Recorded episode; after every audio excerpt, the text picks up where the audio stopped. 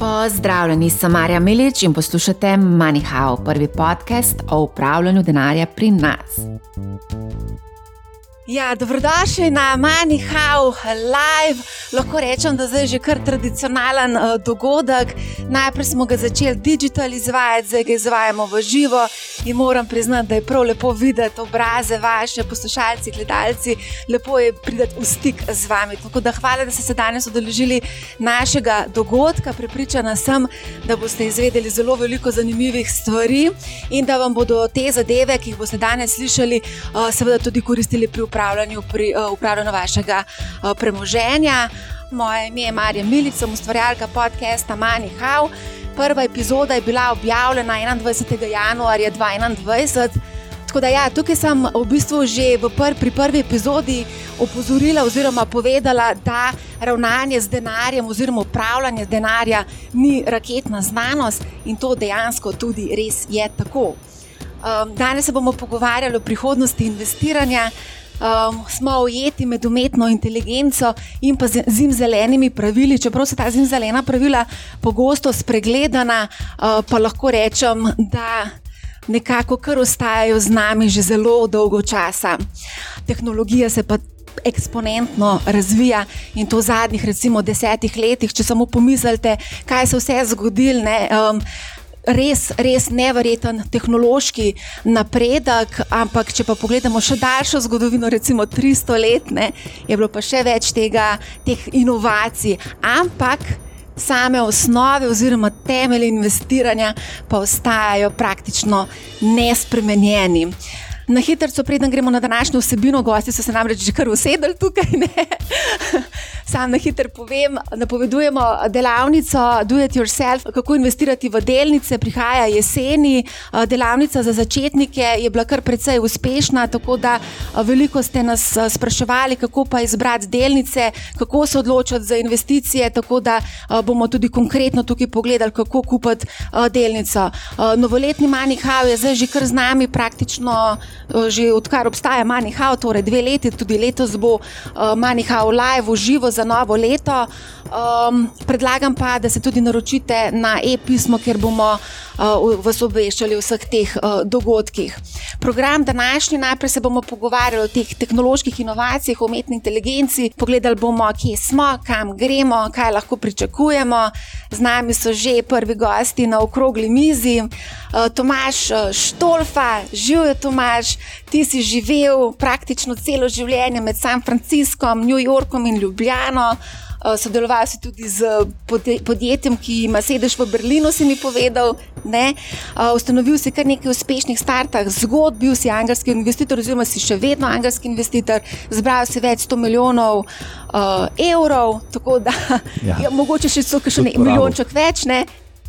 Ja, več, približno 200 milijonov dolarjev. No, no, skupaj, to, pa je, to pa je kar pomembno. Vsakeč, ko vprašaš, je 100 milijonov več. Ne, ni, ni ampak. Uh, Vprašanje je, kak, kakšni bodo izidi iz tega. No? Uh, nekaj nekaj uh, iger se še igra, tako da bomo videli. Bomo videli. Ok, se nadaljujemo potem. Uh, Marko Talar je tudi z nami, strokovnjak za robotiko in umetno inteligenco, razvijalec robotskega delavca, soustanovitelj podjetja RNMX. Živijo, Marko. Lepo zdrav, živijo. Uh, Boris Cergol, z nami si bil že na Mani How, epizodo smo posneli s teboj, Chat GPT, ki smo danes še bolj naprej, kot smo bili takrat. Pa ne me raje vprašati, kje bomo čez en mesec, ker mislim, da bomo še kje drugje. Jaz moram priznati, da kar uporabljam no, vse možne te variante, ki so na voljo uh, pri svojem delu in pa tudi pri upravljanju premoženja. No, o tem bomo pa malo več povedali. Andraš, še tebe imamo tukaj na okrogli mizi. Uh, tebe pa poslušalci in gledalci več ali manj po moje že kar poznajo, se si reden gost, manj hav. Gremo na mobilnost. Mobilnost, električna vozila, droni in električna letala. Andraš, boš ti spet mečken za uvod, samo predstavo, zakaj si izpostavil te konkretne naložbe oziroma predloge. Ma, zdi se mi, da je to nek, ko bi rekel, podaljšek rekel, tega, kar smo začeli, ker v bistvu karkoli se premika ali pa se bo premikalo v prihodnosti, bo imel pač neke nove pogonske načine, pa mogel bo biti bistveno bolj avtonomno, kot je bilo v preteklosti. Ne. Zdaj pa lahko se pa govorimo na cesti, um, v zraku ali pa v vodi, ali pa ne vem, kje v vesolju na koncu, kakorkoli. Tako da se mi zdi, da je to ena pač taka normalen podaljšek, ne nekaj smo že govorili o Tesli, um, seveda takoj pridemo hitro v zrak, v drone. Um, pa tudi letala v končni fazi. Um, tako da danes malo govorimo o panogah prihodnosti, oziroma kako bo izgledala tudi prihodnost. Ne? In mobilnost bo zagotovo drugačna, po mojem mnenju, kot je pač danes. Ne? Pač nek napredek bo, kaj, kako, kako bomo uporabljali. Boč se jaz sam večkrat vrnil nazaj, se ne bom dolg. Ne? Jaz, jaz mislim, da bo pač vse te tehnologije, ki se bodo zložile skupaj in ko bojo v bistvu akumulirale dovolj, ko reko, informacij, bojo dramatično spremenile celotno družbo. To, to je moje mnenje. Tako jaz mislim, da je družba čist drugačna in sploh si ne predstavljamo, kakšna bo. To, to je moje pač mnenje. Ne? Tudi, recimo, ko govorimo o pokojninskih sistemih, ti si omenila, da imamo obdavčati robote. Jaz mislim, da zdaj, zdaj delamo neke demografske projekcije in to, in kako bo pay as you go. Lahko da bo čist nov družbeni dogovor, kako bo to izgledalo. In jaz tega ne bi izključeval, iskreno povedano. Tako da vsi tisti aktuari, ki danes tiste tablice gledajo in računajo, kako bom jaz dal, da bo nekdo imel, jaz ne vem, kje bo to čez 20-30 let.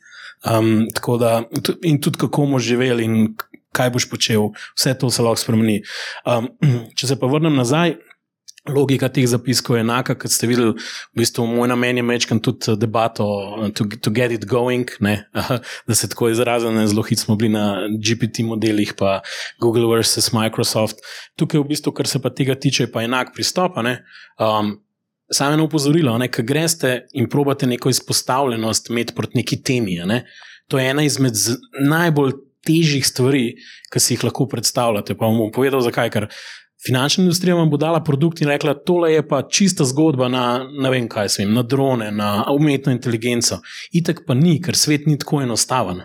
Ker če bi ti imel zmagovalca, ki bo zmagal v dronih ali kjerkoli na enem kliku, ne, pol nekaj ne bilo v redu, po mojem mnenju, ali pač ne poznava prihodnosti. No? In klej nekaj podobnega, ampak kar je pomembno, je pa to, da zlasti mogoče na področju mobilnosti, prihodna mobilnost, ki je seveda električna, avtonomna v zraku ali pa kjerkoli, je šele v nastajanju. Medtem, ko imate neke drone današnje generacije, to, kar bo v prihodnosti, v bistvu vem, so tam firme na borzi, ki so po pol milijarde vredne, ki niti enote prihodkov nimajo. Neki so z Matejem živijo.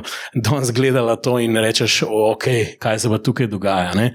Torej, kaj, kaj hočem povedati? Gledamo globoko v prihodnost. Deset let, tudi matematično gledano, moramo oceniti, kakšen bo prihodek, dobiček teh podjetij čez deset let, ampak že danes se stotine milijone in milijarde investirajo v to. To morate razumeti, kako na nek način nore stave so to, če, če zdaj stopimo v ta kontekst. Evo, in, um, to to. No, ko govoriš o norih stavah in o teh milijardah, ki se investirajo, dejansko je Meta oziroma Zuckerberg vse od leta 2019 za razvoj metaverzuma investiral približno 36 milijard dolarjev. Lansko leto smo zelo veliko govorili o tem, letos govorimo pa samo še o chat GPT, o OpenAI in drugih rešitvah. Zakaj je temu tako? Kaj se dogaja tukaj? A, se a bomo imeli um, metaverzum, se bo, se bo ta zgodba razvila, ker se mi zdi, da tukaj je en tak spopad. Mogoče, Marko, boš ti kaj povedal na to temo? Ta očala, menda, da so še vedno precej okorna in niso primerna. Še. Definitivno še nismo dobili um, take izvedbe tehnologije, ki bi, imela, ki bi zagotavljala uh, res dobro uporabniško izkušnjo. Uh, Zaenkrat so ta očala še malo tako bolj gadget, Vse je zanimivo, jih probati, super. Ampak uh, na eni strani sam hardware, na drugi strani pa aplikacije, ki so trenutno na voljo, nekako še niso prišle do kritične mase, kjer bi lahko rekli, okay, to pa je en, eno izjemno veliko bolečino na trgu uh, izpolnjuje, ki jo na drug način, dosti bolj preprost, stroškovno bolj učinkovit, ne moremo danes uh, rešiti. In jaz mislim, da je, da je na konc, koncu je. Ti imaš lahko gadžete, ne? kaj je nekaj zelo zanimivega, pa probaš nekaj novega, ampak pol tudi odložiš, ker enostavno, ker ti ni dolgoročno, ti ne zagotavlja ustrezne uh, dodane vrednosti. Uh, in uh, zaenkrat smo žal še na tem nivoju. Zdaj pa po, če pogledamo, kako se je v, zgodu, v zgodovini um, ponavadi tukaj odvijalo, uh, jaz še vedno računam, da na koncu, da bo, bo Apple uh, končno dal ven, se z namenom, zaenkrat, če niso dal ven uh, AR očal, ker očitno, da niso še prišli do točke, kjer bi zadeva bila res, uh, uporabniška izkušnja res dobra. Ne? Da potem se bodo stvari začele nekako uh, razvijati, ampak ne tehnologija na eni strani, ne aplikacija na drugi, očitno še niso tam, kjer bi omogočali res široko uporabo. Kljub temu, da, bilo, da je bilo investiranih že 36 milijard dolarjev. Ne. A gremo mogoče pogledati električna vozila, nekaj smo sicer že o tem govorili, glede na to, da smo na področju oziroma segmentu mobilnost. Um, kaj se tukaj dogaja? Mogoče sem to, za mene je to malo presenetilo. Recimo, imate Rimac, eden najbogatejših Hrvatov, mislim, da so v zadnjih petih letih uspeli zbrati 800 milijonov uh, dolarjev ali evrov, ne vem točno, no, se tam tam um, sredstev. Materimac uh, nima električnega avtomobila, niti nima hibrida, ima pa kar bogato zbirko avtomobilov, mislim, da vredno okrog 2 do 3 milijone nekaj tega evrov. Kaj se tukaj dogaja? Zakaj, kaj, zakaj se to dogaja? Ja, ja, prosim. Uh, zato, ker Mate ni vstopil v to igro zaradi um, ekološke ozaveščenosti, on je vstopil v to igro zaradi performansa. Ne vem, ne vem koliko poznam, poznate zgodovino in tako naprej. Ampak on je uh, včasih, mislim, da nekega starega BMW-ja imel, ki ga je predelal, zato da je pač driftal.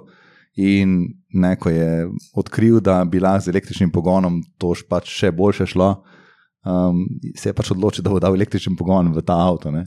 In tako se je zgodba začela. In glede na to, kakšne avtomobile delajo, pa glede na to, kako se um, Rimovci avtomobili razvija, njegov driver ni klimatska, mislim, ta ozaveščenost, električni avtomobili, manj izpustov in tako naprej. Ne, to je pure performance. In ni na ključno, da je on zdaj CEO Bogatija, ker pač Bogati, ne, tudi, uh, ne vem, mislim, mislim da, da niti ne. Ne zapišejo CO2 izpustov preteklih bogatijev, po moje, uh, moš posebej vprašati, um, ker ni, ni to cilj teh produktov. Zdaj, a je to vseeno ena pot, kjer oni lahko prodajajo na trg tisti, ki so malo bolj ozaveščeni, tako se zdi.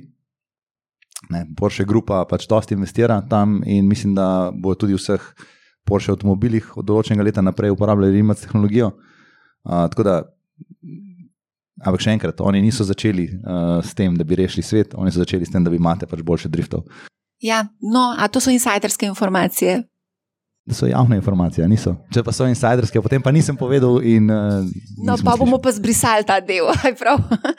um, ja, um, mogoče tukaj je ena zanimiva zadeva, vezana na uh, Teslo, um, tudi Apple. Um, zdaj smo ga omenjali v svetu metaverza, razvija neka svoja očala, ampak tudi na področju mobilnosti so aktivni.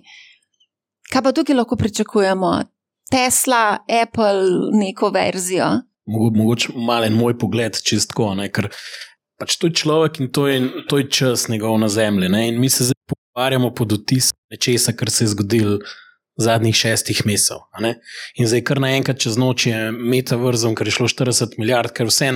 Ne glede na to, kako je to velika številka v kontekstu cele tržne kapitalizacije, ne mete, mislim, who cares at the end of the time. In ti ne veš, kaj je pod površjem tega prihodnosti človeštva, time continuum. In zdaj bom sam razložil, ne? ker prejšnji teden je tudi prišel v Apple in rekel: By the way, jaz vam bom 4% in nekaj dal na vaše sredstva na Apple Pay. Ker čez noč je postal, ne vem, banka. Ne, lahko kaj date depozite. Ne?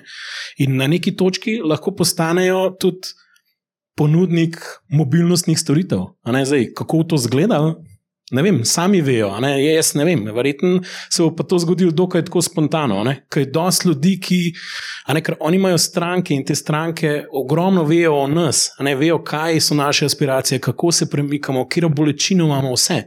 Na eni točki, da can flip the switch. Ne? Zdaj, je res, da tako veliko stvar kot Apple Car, ki mislim, da o tem govorimo, se to je neka javna skrivnost ali kar koli pa že, kao. Um, to ne moreš čist skrit, čist, čist, čist, ampak. Maybe it's coming, maybe not. Ne? In to lahko zelo močno spremeni. In na koncu ti rečeš, ne? kdo sploh koga tukaj disruptira. Recimo, fintech, primer, zelo lep za tem Apple obrestnim meram. Ne? Fintech začne neki startupi disruptirati te banke. Ne? ampak jutri pa pride IT gigant, ki zdisruptira disruptirance in še une, ki so tam. Ne? Tako kot une ribe, ki je risanka, ena pride pa to poje, pa uno ribo ta. In, eh, ne vem, kot finding nima malo zgodba. Ne? Se to se tako sliši. Ampak jaz tako gledam prihodnost, da dejansko prihodnosti ne poznamo, zato je treba bolj gledati, kaj lahko tehnologija, ki je na znotraj strateškega kroga nekega koncerna, ali to Apple, ali koga drugega, in kako so pripravljene tudi te inštitucije. In to, to recimo je neka varnost, obramba, ki pa še to ne traja. Ne? Ampak, ko govorimo o investiranju, govorimo o neki dolgoročnosti. Mi smo danes tukaj in sprejemamo odločitev, ki bo vplivala na našo prihodnost. Se pravi, mi dva investiramo za 10 plus obdobje. Ali je smiselna investicija v recimo Apple, v Microsoft, v Google, v Teslo, iz tega trenutka danes, če vemo, kaj, se, kaj počnejo, kako razvijajo svoje produkte? Moje mnenje je, seveda, ja. Um, to pač moraš imeti, temu se ne moreš izogniti. Ne? Zato, ker jaz bi ločil investiranje na sledeče načine. Nekaj je, da se ti zagotoviš osnovo, mogoče tudi neko finančno varnost, osnovno za naprej, rečemo temu vrčevanje. To pač moraš imeti. In najbolj safe bet je tukaj, da pustiš trgu, da glasuje, kdo je zmagovalec. Vzameš ETF, ker je, so v teži odvisne od tržne kapitalizacije v prostem obtoku in trg vsak dan glasuje. Ne boste zaslužili 70-80%, 20x ali karkoli v petih letih, ampak boste dobili tisti tržen donos. Pri investiranju je lepota to, da povprečje za zelo enostavno odločitvijo naredite. Če boste šli na glavo, lahko pa vse zgubite. To, to je težava. Tako da to osnovno si zrihtajte. Ne? Ostalo je pa stvar prepričan, po mojem mnenju, in research, kot je rekel Tomaš. Ne? Tam pa pač uh, zato, da bi rekel, bo Apple zmagoval čez 20 let, ne vem, ker bi mogel skozi spremljati to. No, izvoli. In moj pogled na, na, recimo, in na Met in Bet, na Metaverse, pa, oziroma VR, AR, uh, pa tudi približno tako na Apple. Mobility efforts je, ali si lahko oni prvoščijo, da tega ne delajo.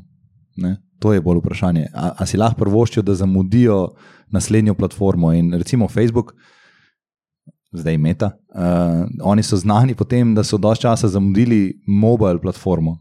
Ne? In potem so imeli catch-up, so poskušali celo s svojim devicem, pač nikoli ni prišel do tega devicea, zaradi tega, ker jih je Android. Ne bomo več preinstallili tukaj, ne? če boste imeli svoj device, da imamo korak nazaj, pa Apple. Ampak oni živijo, njihova kultura živi v strahu, da bodo zamudili naslednjo, naslednjo computing platformo. In zdaj, a je 40 milijard vredno vložiti za to, da ne zamudiš naslednje computing platforme, to se pač tisti, ki so tam zadolženi, za to morajo odločiti. Ne? In mislim, da podobno je recimo na Apple za, za mobility.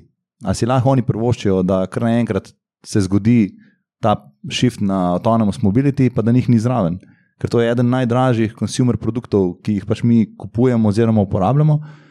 A si lahko oni prvoščijo, da niso, da niso zraven kot največ vredna firma z najboljšim supply chainom, z najboljšo ne, uh, postavo za hardware, software uh, produkte. No.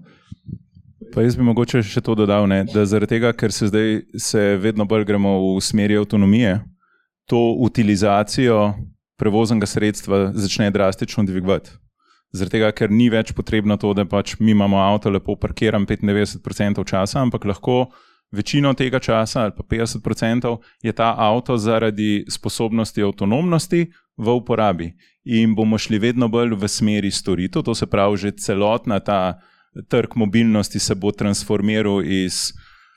Capital expenditure v servis. Na drugi strani moramo pa vedeti, da um, Tesla, zakaj je Tesla tako uspešna? Zaradi tega, ker je Tesla je tehnološko podjetje, ki ima procese, ki v bistvu bolj iz Silicon Valleyja um, izvirajo kot pa recimo iz Minhna. Uh, in zaradi tega je hitrost napredka, kako so to se pravi, kako sami razvojni procesi potekajo, um, kakšen je mindset uh, ljudi, ki te procese poganjajo, je pač tako, kot bi lahko rekli, kot katero koli drugo tehnološko podjetje, uh, ki ga gledamo, samo da oni pa slučajno delajo vozila. In uh, ta dva aspekta, pač Tesla je. Uh, jaz se spomnim, ne vem, 2017, kdaj sem se v uh, Amsterdamu uh, z enim Tesla taksijem vozil ne? in takrat so se ljudje so se na veliko smejali, ah, Tesla, to je tako, tako gepe v, v armaturni plošči, ima take, ne, da lahko kovansko svržeš, pa uh, um, kaj pa pol. Uh, in res, absolutni nivo kakovosti takrat je bil za avtomobilsko industrijo. Ampak hitrost izboljševanja je pa, za, če malo pretiravam, za velikostni razred višja, kot jo pa ima avtomobilska industrija. A ne? In danes, ko se usedemo v eno novo Teslo, ja, pišu, da ni več uh, po kakovosti. Ja, Sam še za pet centov. Ja, ja, ali pa če greš sploh v, v kakšnega, ki je v Berlinu ali pa na kitajskem narejen, ne, moraš že papir skoraj da not tišati. ne. Tako da hočem reči, hitrost izboljšav je tista, ki je eden ključnih driverjev, ki jih tehnološka podjetja imajo v svojem uh, DNK-ju programiran, uh, druga podjetja, recimo vem, klasična avtomobilska industrija, pa ne toliko in so določeni konzervativni pristopi razvoja, ki ti to hitrost ne omogočajo. Ne? Še vedno pa mislim, da je 2,5 avtomobila na gospodinstvo v Sloveniji. Recimo, ne. A smo se pripravljeni odpovedati avtomobilu? Um, jaz mislim, da smo na koncu, da, da moramo dva segmenta ločiti. Eno je, kaj je um, ekonomsko smiselno, uh, ker ko ljudje, če preračunamo, kakšen je dejanski strošek avtomobila, izguba vrednosti, operativni stroški, ne, vse vzdrževanje. Tisti, ki si preračuna, mislim, ker sem se jaz to preračunal, sem, sem kar malo mogel globoko dihati. ne. A pa si se odpovedal avtomobilu, je ključno vprašanje. Uh, definitivno bom tako rekel, ko bo uh, uporabniška izkušnja in ekonomski performance boljši, glede na moje specifične potrebe, sploh ni problema. Ampak na drugi strani pa to ne pomeni, da ne bomo več sploh imeli avtov, ampak za, pač za dušo, če boš hotel malo bolj športno po vinkih uh, se voziti, boš verjetno še vedno imel nekaj v garaži, ki ti bo to omogočal, ampak čisto iz stališča uh, pač mobilnosti kot take, pa jaz ne vidim razloga, zakaj bi imel svoj avto, ki je Ampak ga še vedno imamo. Ja, Ja, A ja, ne? še Ne, nismo se, tam se, se ta te čisto trenutek. razumem, vem, o čem govoriš. Um, ja, totalno razumem. Um, ja, preračunavali smo te stroške. Nekateri plačajo um, za to, da imajo avto parkiran praktično cel čas na parkirišču pred svojo hišo ali pa na, uh, pred službo. Uh, dva do tri dni delajo samo za avto, zato da ga odplačajo na, na teden. Dva do tri dni na teden delajo samo za avto. Nekateri kupijo si pač mal predrag avto ne, za, za svoje zmožnosti rekel, da finančne. to smo mi, da sodimo to. Ne, Ne, ne, se ne Eh, sodimo, samo, če mi a veš, reč, da- da vsak, vsak ima možnost to preračunati, Ja, obstaja absolutno. cel kup kalkulatorjev, ampak še vedno ne naredimo tega koraka. A ne, še vedno velja avtomobil za nek statusni simbol. Ampak vedno, vedno od, odvisno v kakšnem okolju in kontekstu. No? Točno to. Um, mi imamo en avto na gospodinstvu, in le- dve leti pa pol smo živeli v Sloveniji brez avta. Um, seveda smo imeli druge rešitve za prevoz, ne? ampak recimo v New Yorku moram prav pomisliti, če poznam koga, ki ima svoj avto, od teh, teh ki jih jaz poznam. Um, pa v San Franciscu tudi zelo redki imajo svoj avto. Zakaj? Zato, ker so pač rešitve na voljo druge. ne. Um, ali taksi, podzemna, uh, kolo in tako naprej. Jaz, jaz sicer verjamem, da se bo zgodil en zelo velik shift v, v mobilnosti, po eni strani na, na različne storitve, po drugi strani pa to, da, da imajo ta nova orodja za mobilnost, od skuterjev, malih, uh, oziroma skirojev, no, do električnih koles, po, zmanjšujejo mesto, če tako rečem. Ne? Uh, ena Ljubljana je super primer. No? Ljubljano lahko tudi, če si res motiviran, lahko tudi prehodiš ne? celo. Ampak ni čist, ni fajn. Ne? Z navadnim kolesom si v 45 minutah z enega konca na drugem koncu, ne? z električnim kolesom si pa že v 25 no? ali, pa, ali pa 20. Ne? Kar pomeni, da se je mesto skrčilo in pomeni, da, da je tvoj doseg bistveno večji, ker vpliva na čisto drugačno dinamiko. No? In tukaj, ko se pogovarjamo o Applu, pač moja taka. Um, Contrarian teza je to, da oni ne delajo avtomobila, ampak delajo nekaj bliže kolesu. Ej, drugače, kar se tega tiče, New York, San Francisco, če hočeš tudi Beograd, ne, ali pa katero koli drugo večje mesto, uh, ja, večina ljudi tam, po mojem, nima avtomobila. Uh, kot tudi v Ljubljani, recimo, z velik se z mladimi pogovarjam. V Ljubljani mladi ne želijo avtomobila. Ko greš pa ti v celje, recimo, se pa mladi želijo avtomobil imeti. Ne. Zakaj? Zaradi tega, ker ni infrastrukture, to, kar ti govoriš. Ne. Se pravi, nismo še tako delač, nimamo infrastrukture za to, da bi lahko uh, to uh, imeli. Okay. A gremo naprej na finteke, da, da namo predolgi. Uh, fintek, evo, Andraš, tukaj imaš spet tvoje predloge, izvoli malo pokomentiraj. Že, že malo sem Boris smil zraven, ki mu hijackam, klele Mike, se mi zdi, že več čas. Um, ne, v bistvu se, se ista zgodba je, tako da ne bom se nekako ponavljal. To je malo za navdih, malo za raziskovanje. Kar je bilo pa meni zanimivo, je to pa v bistvu, da recimo ETF, sploh evropski na področju fintechov, imajo relativno majhen obseg sredstev. Um, jaz mislim, da lahko mirno rečemo, da zadnjih leto in pol smo imeli kar fintech zimo. Ne? ne bom rekel, glih ledeno dobo, Ne, recimo, ravno danes je bila novica, da Allianz, ki ima lastništvo v, neobanki N26, se je verjetno tudi, ki vi pogovarjate, ne, prodaja svoj delež za, mislim, da o, se zelo ne spomnim, pol cene se mi zdi zadnje, zadnjega financiranja. Recimo, Tako da tukaj se je en velik potres zgodil na fintechu, je pa res, da predtem je bil pa en velik balon, to moramo pa kar iskreno povedati. Um, tako da tukaj je mečken za raziskovati.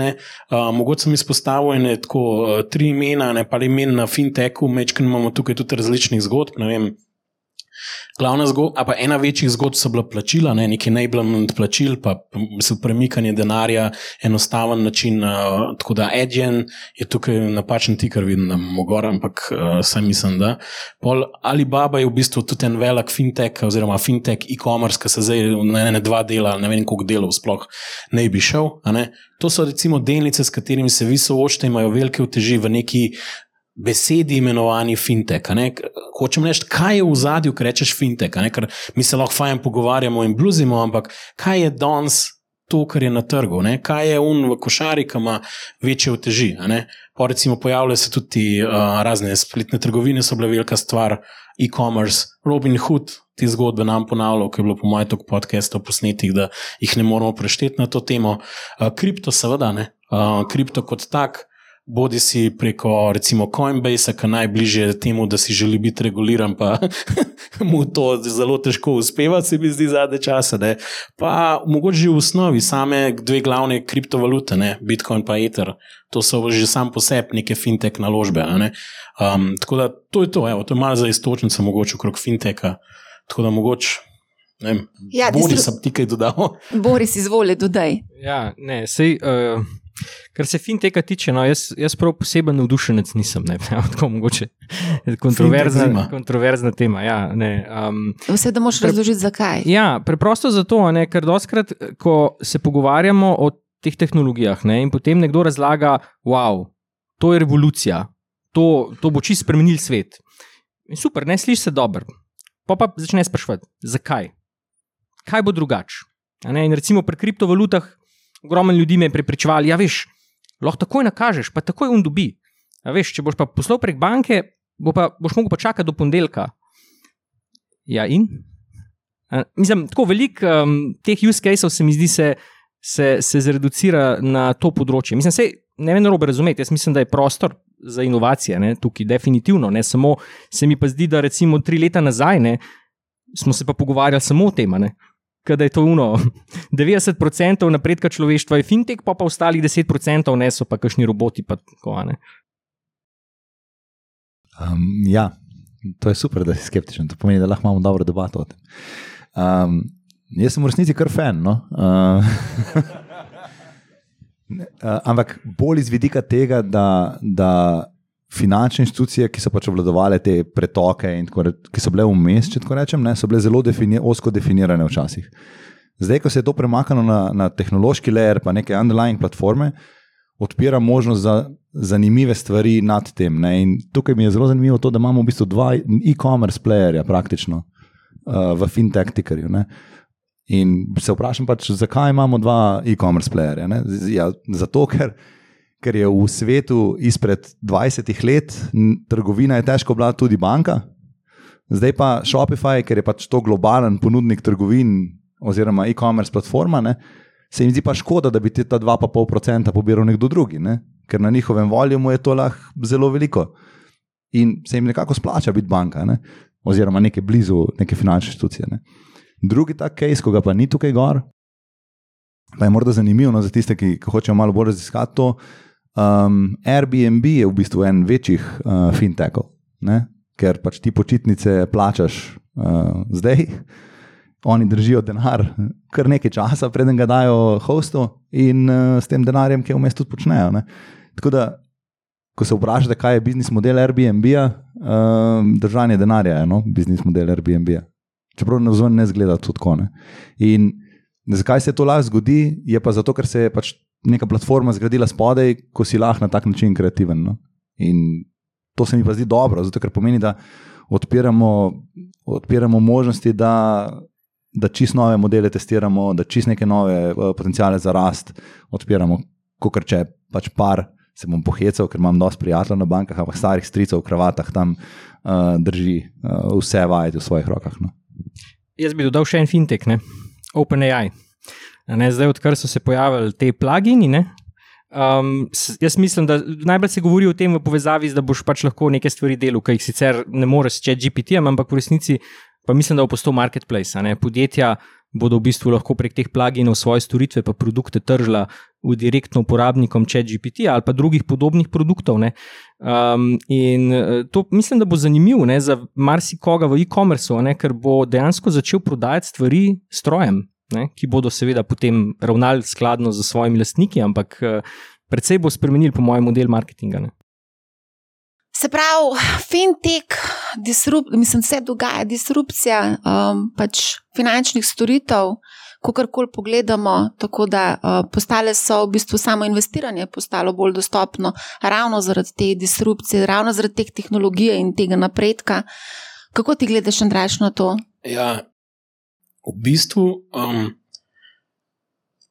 zdaj smo pokazali, kako smo cel krok naredili. Ne? Od začetne debate in kakšno obličnost ima pri končnem uporabniku neka tehnologija, ki jo ti apliciraš. Ne? Enkrat je v avtomobilu, enkrat je vem, aplicirana na robotskem delavcu, enkrat je na fintechu, enkrat je vem, neki, neki drugi uporabnosti. Pač to je ta layer cake, ki jaz rečem. Ne? Več slojev torte je, in zdaj eh, pač, uh, je vprašanje, kako globoko zarežeš ne? v končni fazi, ne pa kakšno torto boš naredil. In se mi zdi, da je to ta, ta glavni point, sploh vse te prihodnosti, ker, uh, ker se lahko toliko interoperabilne stvari dogajajo, da, da, da nam nič danes ni jasno. V bistvu, jaz mislim, da smo danes tako slepi, da je to nekaj neverjetnega. Mene kar boli, v bistvu, to sem slep. Ne? Vem pa eno stvar, da se lahko recimo v prihodnosti bom jaz spomnil, sam, pogovarjal sam s sabo na nek način no? in v bistvu ustvarjal stvari brez kogarkoli drugega, ki bo lahko spal ali pa igral odbojko na milki. Veš, da, um, to, to so stvari, ki ne vem, kako daleč bom lahko prišel, ne? ampak to je dejstvo. In danes je zelo veliko mehkih problemov, ki v bistvu sploh niso dobro rešeni, ampak jih nišče ne rešuje, ker se kao ne splača. Bom dal sam primer, ne? recimo naše investicije v filme. Pa ne? In reče, pa kako to sploh fora, tam neki, on, oni vidijo neki, pa konsolidirajo cash flow z večjih bank, gor dol, ampak ti obrtniki res zabluzijo vsak mesec. Ne? In ta produkt danes ni optimalen, pa tudi stroški so še previsoki. Ampak če gremo pet nivojev naprej. Uh, se ta produkt z njimi pogovarja, ker danes smo, recimo, ta tim, mislim, da 30 ljudi v podpori, Ne, pa vseh skupaj jih je 40, ki se samo z obrtniki iz Ukrajine, Turčije in ne vem, pogovarjajo in jih na nek način malo izobražujejo. Jutri bo to mogoče drugače. Ali pa vam bom drugače rekel, če ste kaj investirali, ste izpolnjevali davčne napovedi. Ali je bilo to zelo prijazno? Recimo, Sploh če ste velik trade imeli, pa še nekih dividend, ne? pa smo res vse zajeli, je bilo res vse prav zračunano. Mislim, kam on, resno govorimo. Ne? To so vse stvari, ali pa davke oddajati, ali pa potrebovati račune, ali pa nekaj knjižati. Ne? A je to res delo, ki ga vsi neskončno srčno želimo delati? Ne? To so vse stvari, ki v končni fazi lahko rečeš, lahko jih zapakiraš v nek fintech, jaz pa rečem, tehnologija ti je dala tvoj čas na zemlji nazaj. Ne vem, vem kam pa z njemu naredila. To, to, mogoče pa metaverse, na koncu se malo poheca odgovor. Ne? In je z tega stališča 30 milijard brezveznih, če bo to 300 tisoč milijard v prihodnosti. Ne vem, pojma nimam. Ampak jaz mislim, da fintech je v resnici uh, kako navidezno banalne probleme narediti seamless, da ko jih človek začne uporabljati, reče: Jaz ne grem več nazaj na tisto davčno napoved, jaz ne grem več nazaj na to staro banko, jaz ne grem več nazaj. Zdaj, koliko je pa hajpa vmes, nekam boš, ne vem, Bitcoin ali pa ko boš ti usvojil svet, pa zakaj to don že vreden 50 tisoč milijonkrat več, kot bi moral biti. To je pa človeški faktor, ne tehnološki faktor. Ne? A, kar izvolijo. Ne, se je vmes, Tomaš, hvala, ki uh, mi je namignil. Ne, rekel je pa se to, kar mi uh, recimo delamo, ne, robotika kot storitev, je v bistvu tudi neke vrste fintech. Ne. In sicer, če si do zdaj si mogel ti, ne vem, si želel nekega robota uh, kupiti. Pa ga uporabljati, pa si ga lahko kupiti, relativno velik denarja van investirati, in potem si ga čez čas uh, ustrezno zamortizirati. Smer uh, robota za servisa, je pa ravno kontra. Ne? Da imaš, recimo, vem, mi smo ponudnik, mi smo um, kadrovska agencija za robote, ki ponuja robotske delavce drugim podjetjem. Ta podjetja vsak mesec dajo tem robotom plačo. Ne? In ne potrebujejo sploh veliko investirati, ker so roboti, recimo v specifičnih aplikacijah, tako kot so, uh, dosegajo dosti boljši price performance kot kot ljudje. In na drugi strani, potem, ko se ta potreba po robotih, če je, pre, če je prej bil naročnik, ko je kupil robota, je bil v bistvu se s tem se je mal eh, zabetoniral, ne? ker je mogel tega robota pač tok pa tok let uporabljati, da se mu je investicija zamortizirala. Danes ga najame, ga uporablja tri mesece. Ga lahko sicer predstavlja med delovnimi mesti, pa ga narab reče: pa, pa, hvala lepa, in brez kakršnih koli moralnih zadržkov ga odpusti in ga mi damo nekam drugam. In dejansko je ravno ta model čist spremeni kapitalske potrebe, spremeni, kako proizvodna podjetja, ki najemajo to robotsko delovno silo, kako planirajo in koliko so fleksibilna, zaradi tega, ker so kapitalske potrebe niže. Na drugi strani pa tudi nekdo, ki želi samo poskusiti neko novo tehnologijo, jo lahko proba pa videti, ali funkcionira ali ne. In je v bistvu s tem, je barrier to entry, ki ga, ki ga imaš in na eni strani kot kupec oziroma uporabnik te storitve, in na drugi strani kot ponudnik, je drastično nižji in to pa popolnoma spremeni dinamiko uh, v bistvu celotnega trga. Ja, Marko, zdaj se pa že odloča, s fintech ali s robotika. No, lepo prosim. V glavnem, zdaj, ko govoriš o teh botih, me zanima, bo vsak mali vlagatelj dobil na neki točki svojega bota. Ti si nekaj rekel, da se hočeš sam s sabo pogovarjati. A ti bo mogoče malo dolg čas, a se boš sam s sabo tako strinjal, kdo ti bo kontriral, kako bo izgledalo tvoje življenje. Ja. Še eno osebo moram tam pozdraviti, ki nas posluša, živijo dali, baj da je malo tep maham tam zadaj. Um, to je naš tonski mojster, ki snema drugač ta podcast. Kaj hočem reči? ko ustvarjaš glasbo, da bi to pozdravil nazaj, vreten. Uh, recimo, če ustvarjaš glasbo, ne, je tudi to nek proces. In ti, ti dobiš idejo. Včasih je bilo tako, ne vem, vzel si neki inštrument, ali klavir, ali kitaro, nekaj zapisal, ali posnel, to je bilo že advanced, ki si lahko snemal. Pa je pa stekel proces v studiu, pa tudi s produkcijo. Ne, ne vem, mogoče boš pa samo rekel, tole je ideja, aranžiraj mi na tak, pa tak, pa tak način. In uh, v bistvu mogoče bo že popoldne objavljen na netu in folk bo rekel: všeč mi je, pa če bi naredil še bolj rokarsko predelavo. Recimo, in to se, to se meni dogaja, dobim idejo, neki tam kucam za računalnikom, mogoče bom rekel, mesej, da je bod predvsem, tole ti zapojem, da mi s tem ga naredi od radosti, da se malo pohecam. Ne? Ampak Lahko mogoče ne. Zakaj no, ne? Zdaj, zdaj, ko omenjaš Dalija, mogoče ljudje ne vejo, ne poznajo ta kontekst. Dali je tvoj soigralec, kako se temu reče, v, v bendu. Ja. Skupaj, zgra, skupaj sta igrala v, v death metal bendu. Tako nekako. Ja. Death metalce imamo tukaj, ljudje, death metalce. Če bi obstajal model, da li ne, ne on, da li je za, ne, uh, ko bi jaz kojega sprobal, ne, da krši vse sproducira, veš, ne. pa je že tako vse narejeno. A bomo dobili svojega bota? Se ga že imamo na nek način. Se, se ga imamo, ne. Mislim, da Boris je rekel, da imamo kaj pametnega vprašati ga, ali ne vem, nekega uporabiti, ne. Ja. Jaz, jaz mislim, da so bomo dobili to na dveh nivojih. Zdaj, malo smo se prej pogovarjali o robotiki. Ne? Jaz mislim, da bo to se zgodilo bistveno prej.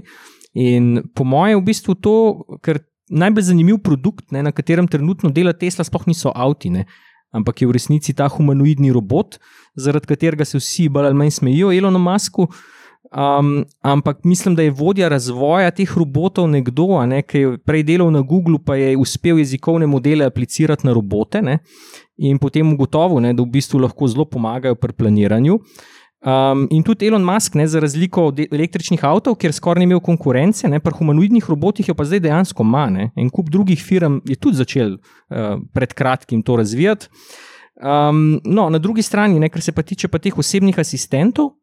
Uh, prej smo malo menjali, da je zdaj vse v oblaku, pa da se moramo povezati do tega. Ne.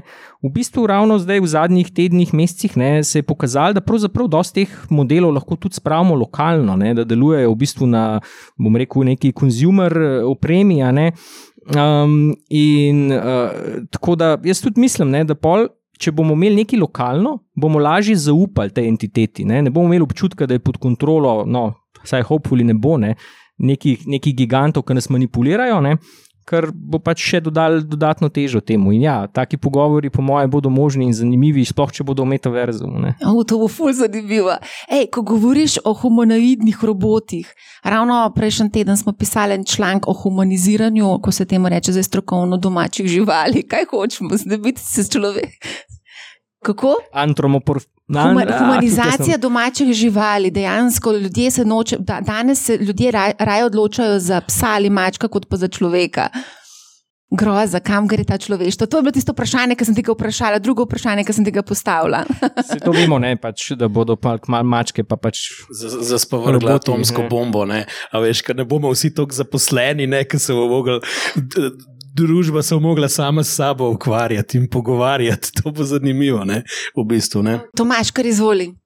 Ja, jaz sem samo to dodatno, da, da en od igralcev, ki še ni vstopil na ta, zelo vsaj uradno ni vstopil na ta Battlefield uh, eh, AI, uh, eh, znova je Apple. Ne, oni so sicer že dolgo nazaj kupili Siri, um, ki verjetno vsi veste, da pač lahko nastaviš timer, kaj drugega pa pač težko. Um, ampak jaz dosti zaupam v to, da, da je Apple tukaj lahko zelo, zelo močen. In zakaj je lahko zelo močen? Zato, ker je kot uh, eden od redkih večjih playerjev, ki mu jaz zaupam, kar se tiče nekega mojega privacyja in dostopa do vseh mailov, vseh tekstov, uh, vse zgodovine uporabe, do lokacije, do giroskopa na telefonu in tako naprej. Ima uh, tam en set podatkov, ki jih OpenAI nikoli ne bo imel, o, o meni, kar pomeni, da lahko nauči ne, mojega bota bistveno več kot lahko na nekih generičnih modelih. In uh, mislim, da ta, da ta aplikacija zna biti zelo, zelo zanimiva. No? Um, in v kontekstu tega, da, da recimo, če malo posanjamo, da se bomo zbudili, pa bojo vsi neodgovorjeni imeli, imeli že kar draft, ki je v tonu ne, nas samih, pa za zgodovinsko referenco vsega, kar smo imeli komunikacije z nekim človekom in tako naprej. Mislim, to je izvedljivo, no, to ni neizvedljivo. Ne. Um, in se mi zdi, da je to, to zelo dobra uporabniška izkušnja bila, bila, če moram jaz to potrditi in tako naprej. Ampak nihče, razen Apple, pa morda Google, ki si omenil, da pa če tudi uh, delnica se ni spremenila, um, ne, tega ne more narediti. Zdaj, pri Googlu, jaz mislim, da je to že uračunano v ceno, no? da ljudje že kar verjamemo, da morda ne takoj, ampak na, na srednji rok, pa da bojo natuhtali. No? Ampak to se mi zdi zanimivo. Um, zdaj, ko, smo, ko si omenil metaverzum, ne, mogoče bomo pa dogodek kdaj organizirali v metaverzumu. Um, eno vprašanje smo dobili tukaj, zakaj v Sloveniji tako malo v bistvu teh podjetij?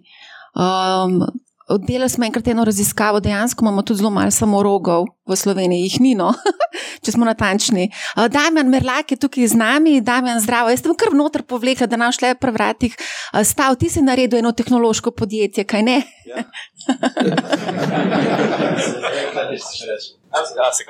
Vse se je. Ja. Kako? Ne, de, samo bomo zdaj zaključili ta, ampak recimo tvoj pogled na, na tehnološka podjetja v Sloveniji, kje smo? Se nima veze, tehnološka podjetja. Naredil si enega, sodeluješ, investiraš v številna podjetja, čeprav dobro tudi v hotele, ampak ok. Um, mogoče, če lahko pokomentiraš, kako ti vidiš uh, slovenska tehnološka podjetja oziroma uh, tehnologijo, ki se razvijajo v Sloveniji, kaj spremljaš to? Niti ne. Ne. Mislim, da ful, ful si povedala, sam res ne vem. Uh, mislim, nimam, ok, pač eh, delno ja, ker sem um, stolastnik en gena zdaj, ampak um, ne vem, če govorimo o takih, mislim, delno ja, ampak eh, ko se govori o tehnoloških podjetjih, no bolj ciljaš na neka um, tipične start-upe, ne, um, neka podjetja, kjer je potrebna več deset milijonska investicija za nakup hardvera, ki potem delaš uh, nek nižji donos kot, uh, kot pri nekem startupu, ki greš iz nič na neskončno. Um, mogoče še Tomaš odgovoriš na to vprašanje, kako ti gledaš na, na pri nas v Sloveniji na razvoj. V bistvu? Ja, jaz moram priznati, da, da sem bil do enega leta nazaj kar skeptičen, no, kar se tega tiče. Um, v resnici, da ni bilo, nisem imel občutka, da je da se dogajajo zelo, zelo zanimive stvari na, na nekem skalu. Zdaj pa moram reči, da sem kar spremenil to mnenje. Um, zakaj? Zato, ker pač ena, imam malo več časa, pa se malo več pogovarjam z slovenskimi podjetniki. In um, če pač malo generaliziram za začetek, no, se mi zdi, da imamo v Sloveniji še vedno isti problem, kot smo ga imeli pred 15 leti. In to je, da smo ekstremno dobri v produktih, v dizajnu, v sami tehnologiji, in izjemno slabi v go-to-marketu. Pač tako res uh, obstajajo vrhunske tehnološke rešitve, vrhunske produktne rešitve, ki pač ne pridejo na trg na pravi način. In drugi problem, ki ga imamo, je to, da smo en tak uh, kapitalski, kako bi rekel, kapitalska puščava. No? Malo kapitala pride sem, premalo kapitala pride sem, zato da bi se lahko resno šli uh, to igro. Zdaj, seveda, tukaj obstajajo izjeme. Um, izpostavim, kako da. Lahko, lahko, genijali si izpostaviš, lahko bani izpostaviš. Vse je bilo kar nekaj podjetij, Kraft, Pal, no, recimo, je bil tudi en primer, nekaj so dobili kar nekaj. Meni blizu, no, um, pa ne vem, koliko ljudi tukaj ga pozna, uh, je Bird Body, um, ne, povezane ptiče hišice. Ne. Sliši se, da je brez veze, ne, v resnici. Mislim, tako. Ampak koliko kolik ptičjih hišic mislimo, da lahko prodamo? Ne? In oni, recimo, pa poleg jaz, oni recimo so, so šli v neko tako mega nišo, ki na prvi, na, ko prvič to slišiš, se zdi res smešno. Potem, pa, ko pa zveš podatek, da je, da je gledanje ptic drugi najbolj popularen hobi v Ameriki, tako je za ribištvom, ne, pa kar ni več tako, tako smešno. Ne. Potem, ko zveš podatek, da se proda za med 3 in 4 milijarde semen za hranjenje ptic ne, v Ameriki na leto, pa, pa je ok, um, potem to res ni tako več nišno.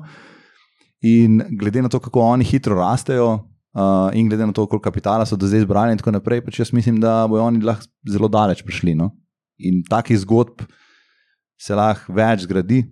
To je sicer poznam malo bližje, ampak jaz sem zelo optimističen, zdaj, ko vidim, um, mislim, kaj, oziroma ko se mi zdi, da vidim, kaj so problemi se mi zdi, da lahko najdemo rešitve no, za, za te probleme, ki obstajajo. A, za zaključek te okrogle mize, mogoče, če lahko še poveste, bo, kaj boste vi počeli s svojim denarjem, ki ga boste investirali, v katere naložbe, kaj gledate, katere segmente, panoge, regije, mogoče. Marko, izvoli. V bistvu, mislim, uh, jaz, uh, to se bo mal uh, egoistično slišal, pa nitko mišljen. Um, jaz predvsem investiram v, v lasten razvoj pa v razvoj ljudi okrog sebe. Zakaj? Ker na koncu, če pogledamo, okay, pa mogoče, če si v podjetniških vodah, pa, pa ustvarjaš podjetja, je um, multiplikativni učinek tega, če se ti izboljšaš, pa izboljšaš ljudi okrog sebe, je enormno velik, ne? ker se vsak dan znova ti uh, daje rezultate. In še posebej, če potem ob sebi vzpostaviš ekipo ljudi, ki so neprimerno boljši od tebe. Ne, jaz sem tukaj, uh, imam zelo veliko srečo, da sem uh, v bistvu uh, v preteklosti in tudi sedaj z vsemi uh, panelisti več ali manj uh, sodeloval, uh, ki so neprimerno boljši, vsak na svojem področju od mene. Ne, sem se jaz lahko izjemno veliko naučil in to vsak dan sprot uporabljal, hkrati pa mogoče tudi uh, njim podal uh, nek določen uh, aspekt, in če tako skupaj rasteš, potem lahko neprimerno več uh, dosežeš. Tako da jaz mislim, da bi doskrat bi bilo bolj smiselno, kot da to, da um, hitimo uh, za, na socialnih omrežjih, pa gledamo, kje bi lahko, je, da bi predvsem investirali v, v sebe, v svoj razvoj, v razvoj uh, ekosistema, uh, pa ne mogoče gledali, kaj bomo lahko jutri od tega dobimo, ampak kaj lahko v obdobju življenja od tega dobimo, in uh, tam so pa multiplikativ, multiplikativni učinki izjemno veliki. Bi pa se sam še navezal na to, kar je Tomaš prej rekel, da se bolj z njim ne bi mogel strinjati, ne? da mi, Slovenci, imamo um, ta izziv, ne? da če smo tehnološko, pa produktno izjemno dobri in nas lahko praktično komorkoli. Se postavimo ob bok, pa se nimamo kaj za sramvati, uh, se moramo dosti bolj povezati spet na tisto mojo uh, predhodno tezo uh, s tistimi, ki so pa v marketingu, v business developmentu in v scalingu, rok stari in potem bojo tudi naše zgodbe neprimerno boljše. Ok, super, gremo kar naprej. Tomaš, boš ti povedal, kaj boš počel z 200 milijoni, oziroma ne, ne vem, koliko jih imaš še na, ne, na lagarju. To, ni, to niso, uh, tako da, da razčistimo. To, to je denar, ki sem ga jaz zbral za podjetje, v katero sem bil upleten. Ne, ne, uh, to definitivno ni na mojem računu. Um, in tudi, tudi, ko bi rekel, na svet za investiranje, to jaz mislim, da je uh, tako dosti nehvaležna naloga ali nehvaležno vprašanje. No?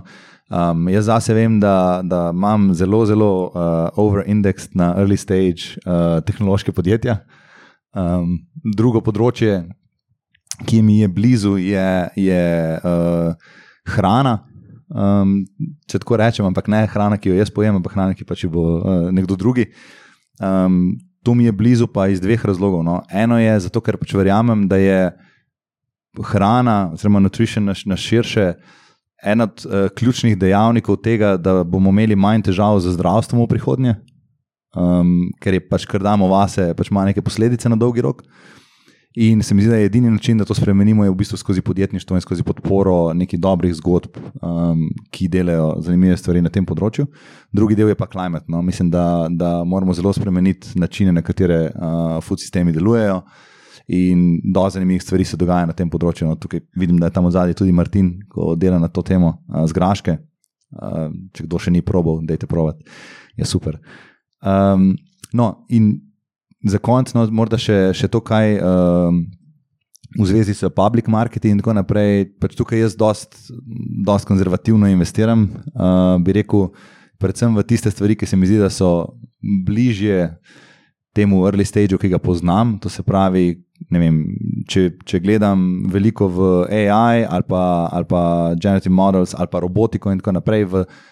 Tista podjetja, ki delajo tehnologije, ki jih bo ta industrija rabila, v primeru, da bo cela ta industrija rata desetkrat večja čez pet let, potem bo verjetno vsak rabo kupiti en Nvidia čip tu pa tam.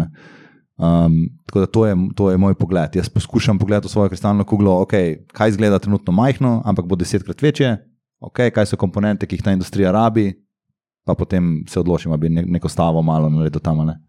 Ja, ta uh, Future of Food ne, je tudi v bistvu zelo zanimiv segment. Sem imela tudi to pripravljeno, žal nam malo zmanjkuje časa, da bi še to obdelala, ampak definitivno je to zelo zanimivo področje. Bor, uh, Bor, Bo, Boris. Ja, mislim, da se kar strinjam s Tomažem. Pač, Dobro je presloh pri javnih marketih biti malo bolj konzervativen. Jaz sicer tudi uh, imam preferenco ne, do teh podjetij, za katera mislim, ne, da pač uh, bodo zrasla na račun teh trendov. Mogoče bi izpostavil tukaj kot zanimiv segment, ne pogovarjali smo se, malo smo omenili video, ne. mogoče se splača razmisliti tudi o podjetjih, ki so upstream od nje, ko jih človek malo raziskuje, pa ugotovi, kakšna zanimiva oska grla pri produkciji vsega tega. Ne. Tako da to, to vsekakor. Bi pa se navezal še na to, ne, mogoče um, kot neke vrste call to action. Ne, ne, pred parimi leti ne, je, bila, je bila na obisku Slovenije ena predstavnica teh stars uh, pospeševalnika. Ne. In uh, se je srečala z mano, in, ker, ker, je, ker je bila na raziskovalni misiji. Ne. In sicer ni mogla ugotoviti, ne, zakaj v Sloveniji, pa še v parih državah, ne, centralne in vzhodne Evrope, dobijo tako najmanj prijav na svetu. In potem je pač mene našla, ker sem bil menda v njihovem registru kot eden peščice ljudi, ki je sploh daj kakšno idejo tja prijavu. Ne. Tako da um, to mogoče tudi vsaj delno pojasni ne, ta manjko kapitala, sicer samo delno, ampak vendarle. Andraš, izvoliš ti? Sprašujem se, kakšna bo prihodnost, kako razpršiti svoje premoženje. In um, rekel, zadnji dve leti se intenzivno ukvarjamo ravno s tem, da recimo imamo javne delniške trge, to so delnice, ki jih lahko kupite, pa imamo izvir, kjer nastajajo ideje in podjetja. In zdaj, v bistvu, na dolgi rok, če rataš dober, pa učinkovit pri tem, da lahko gradiš z ljudmi podjetja, jaz mislim, po mojem mnenju, to je mesto, kjer bi jaz želel biti. Zaradi tega, ker na nek način, pač, ja, seveda, bo bolj težavno, bo velik napak, ampak na koncu v bistvu, um, je ustrezno nižja premija za tveganje na javnem trgu. In to se je lepo izkazalo, po moje, pač skozi neka obdobja, ne, skozi neke izstope, pa skozi neke premijske evaluacije. Je pa res, da je bilo tudi veliko teh napak narejenih. Um, zato, da tukaj lahko zmagaš, je to vse tudi igra številk in time commitmenta, in tukaj ni nič hiter to traja zelo, zelo dolg čas in to moš pa početi tudi z drugimi ljudmi, ker sam z vlastnim kapitalom zaenkrat še tega ne moš uh, početi. Tako da, evo, to je segment, na katerem jaz želim biti aktiven v prihodnosti. Um, upam, da bomo upleteni v kakšno slovensko zgodbo, kjer bo nastal, ne vem, samorok ali karkoli bomo te živali rekli tukaj v Sloveniji. Um, jaz tudi mislim, da faktori tukaj se postavljajo v pravo smer, ker kapitala bo v prihodnosti dovolj. Za me vprašanje ni, ali bo kapital, vprašanje bo, ali bomo ljudje pripravljeni, pa kaj bomo želeli delati in kako bomo to delali. Za, za me je na koncu samo še ideja, in ljudje bodo diferencijacijski faktor. Danes imamo še uh, položaj, kjer vi ne morete dobiti kar tako malo, na lepe oči denar. Jaz mislim, da v roku parih let ga boste lahko, nažalost, kar ni nujno dobro ampak to ne pomeni, da, da boste z tem kapitalom naredili nekaj, kar bo imel za vas resničen pomen. Ne? In to se bomo zelo spraševali. To je moj, moj vtis, no. ker je veliko napak, ki jih podjetnik lahko naredi, skupaj smo malo pametnejši, še zmeraj bomo pa naredili, upam pa, da lahko jih spremenimo. Ne? Bomo čet GPT vprašali, kaj bo Andraž Grahek počel s svojim denarjem, se zahecam. Povej, Tomaš. Jaz sem imel samo še eno misel, no, ko sem poslušal Andraža, pa ostale. Je to, da, da najboljše investicije ne, so tiste, kjer contrarian, but right. Ne. To se pravi, greš tja, kamor malo ljudi gre, imaš nek insight, imaš nek secret in tako naprej, zato se odločiš in trdno stojiš za tem. In v primeru, da si imel prav, je to zelo, zelo dobra investicija. Um, ni to za vsakega, ampak se mi zdi, da pa vsak pa lahko malo razmišlja o tem, da okay, tam, kamor grejo čisto vsi, v tistem trenutku grejo čisto vsi, tam ni visokih donosov ponovadi. In da je ok, rabimo tudi take stvari v svojem portfelju. Ne? Mislim, da imamo pa tukaj enega, vsem, ki ima zelo dobro izkušnjo in to si ti, Damjan. Ti si šel leta 2000, ne vem, katerega 11, 12, si šel v to zgodbo Bitcoin, v katerega nihče ni verjel v to zgodbo, ti si šel v to zgodbo, naredil si kriptomenjalnico, tako da bil si um, tak osamljen jezdec takrat v tistem obdobju in si seveda tudi ustrezno profitiral. Ne? Čakam vprašanje. Ja, to je to, da ja, odgovo, okay. odgovarjam, reči, ja, bil sem. ja, um, mislim, se Kaj je bilo to? Ni bilo, ni, ni bilo vprašanje to, kdo verjame v Bitcoin ali ne. Vprašanje je bilo sploh, kdo ve za Bitcoin ali kdo ne. Jaz sem poznal mogoče enega, dva človeka, ki sta uh, sploh slišala za to takrat. Ampak ši, si šel v to zgodbo, si šel razvijati, ker si videl ti potencial v tem, ali zaradi tega, ker se ti je zdel, ne vem, imam ful časa. Ja, seveda neki... sem videl potencial, ampak uh, itak potencial lahko vidiš v marsičem, se takrat ne moreš vedeti. Ne? V življenju moš tudi provat marsikatero stvar, nekako cent, kaj je smiselno, kaj ne, se ne moreš vsega zadeti. Noben tega ne ve. Noben ne more vedeti, takrat, ko prvi slišiš za Bitcoin, da to čez deset let, da bo to neka velika stvar. To je res. Ja. Okay, najlepša hvala. A smo zaključili, ima še kdo kakšno zaključno misel? Bomo imeli kar. Tako, to je bil izsek iz uh, Manihau Live dogodka, ki se je odvil 20. aprila uh, v Kristalni palači v Ljubljani. Uh, moram priznati, da je bilo zelo lepo videti polno dvorano, tako da hvala vsem, da ste prišli na dogodek. Eh, seveda, za tiste, ki pa niste prišli na dogodek, boste pa dobili možnost poslušati nekaj izsekov iz dogodka v prihajajočih tednih, nekaj podobnega, kot ste slišali danes. Eh, še enkrat naj vas spomnim, da pripravljamo jeseni delavnico za investiranje v delnice, eh, hkrati pa pripravljamo tudi posodobitev aktualne delavnice in sicer Do It Yourself, se pravi investiranje za začetnike, kjer bomo dodali nekatere novosti. Vsi tisti, ki ste seveda že kupili kupili to delavnico, boste dobili tudi posodobitve v vašem oblaku. Toliko za enkrat z moje strani. Želim vam prijeten dan, prijeten večer ali pa prijetno dobro jutro oziroma jutro in pa seveda se slišimo ob naslednji priložnosti. In za konec, poslušajte Manikav, ne bo vam žal, lep pozdrav.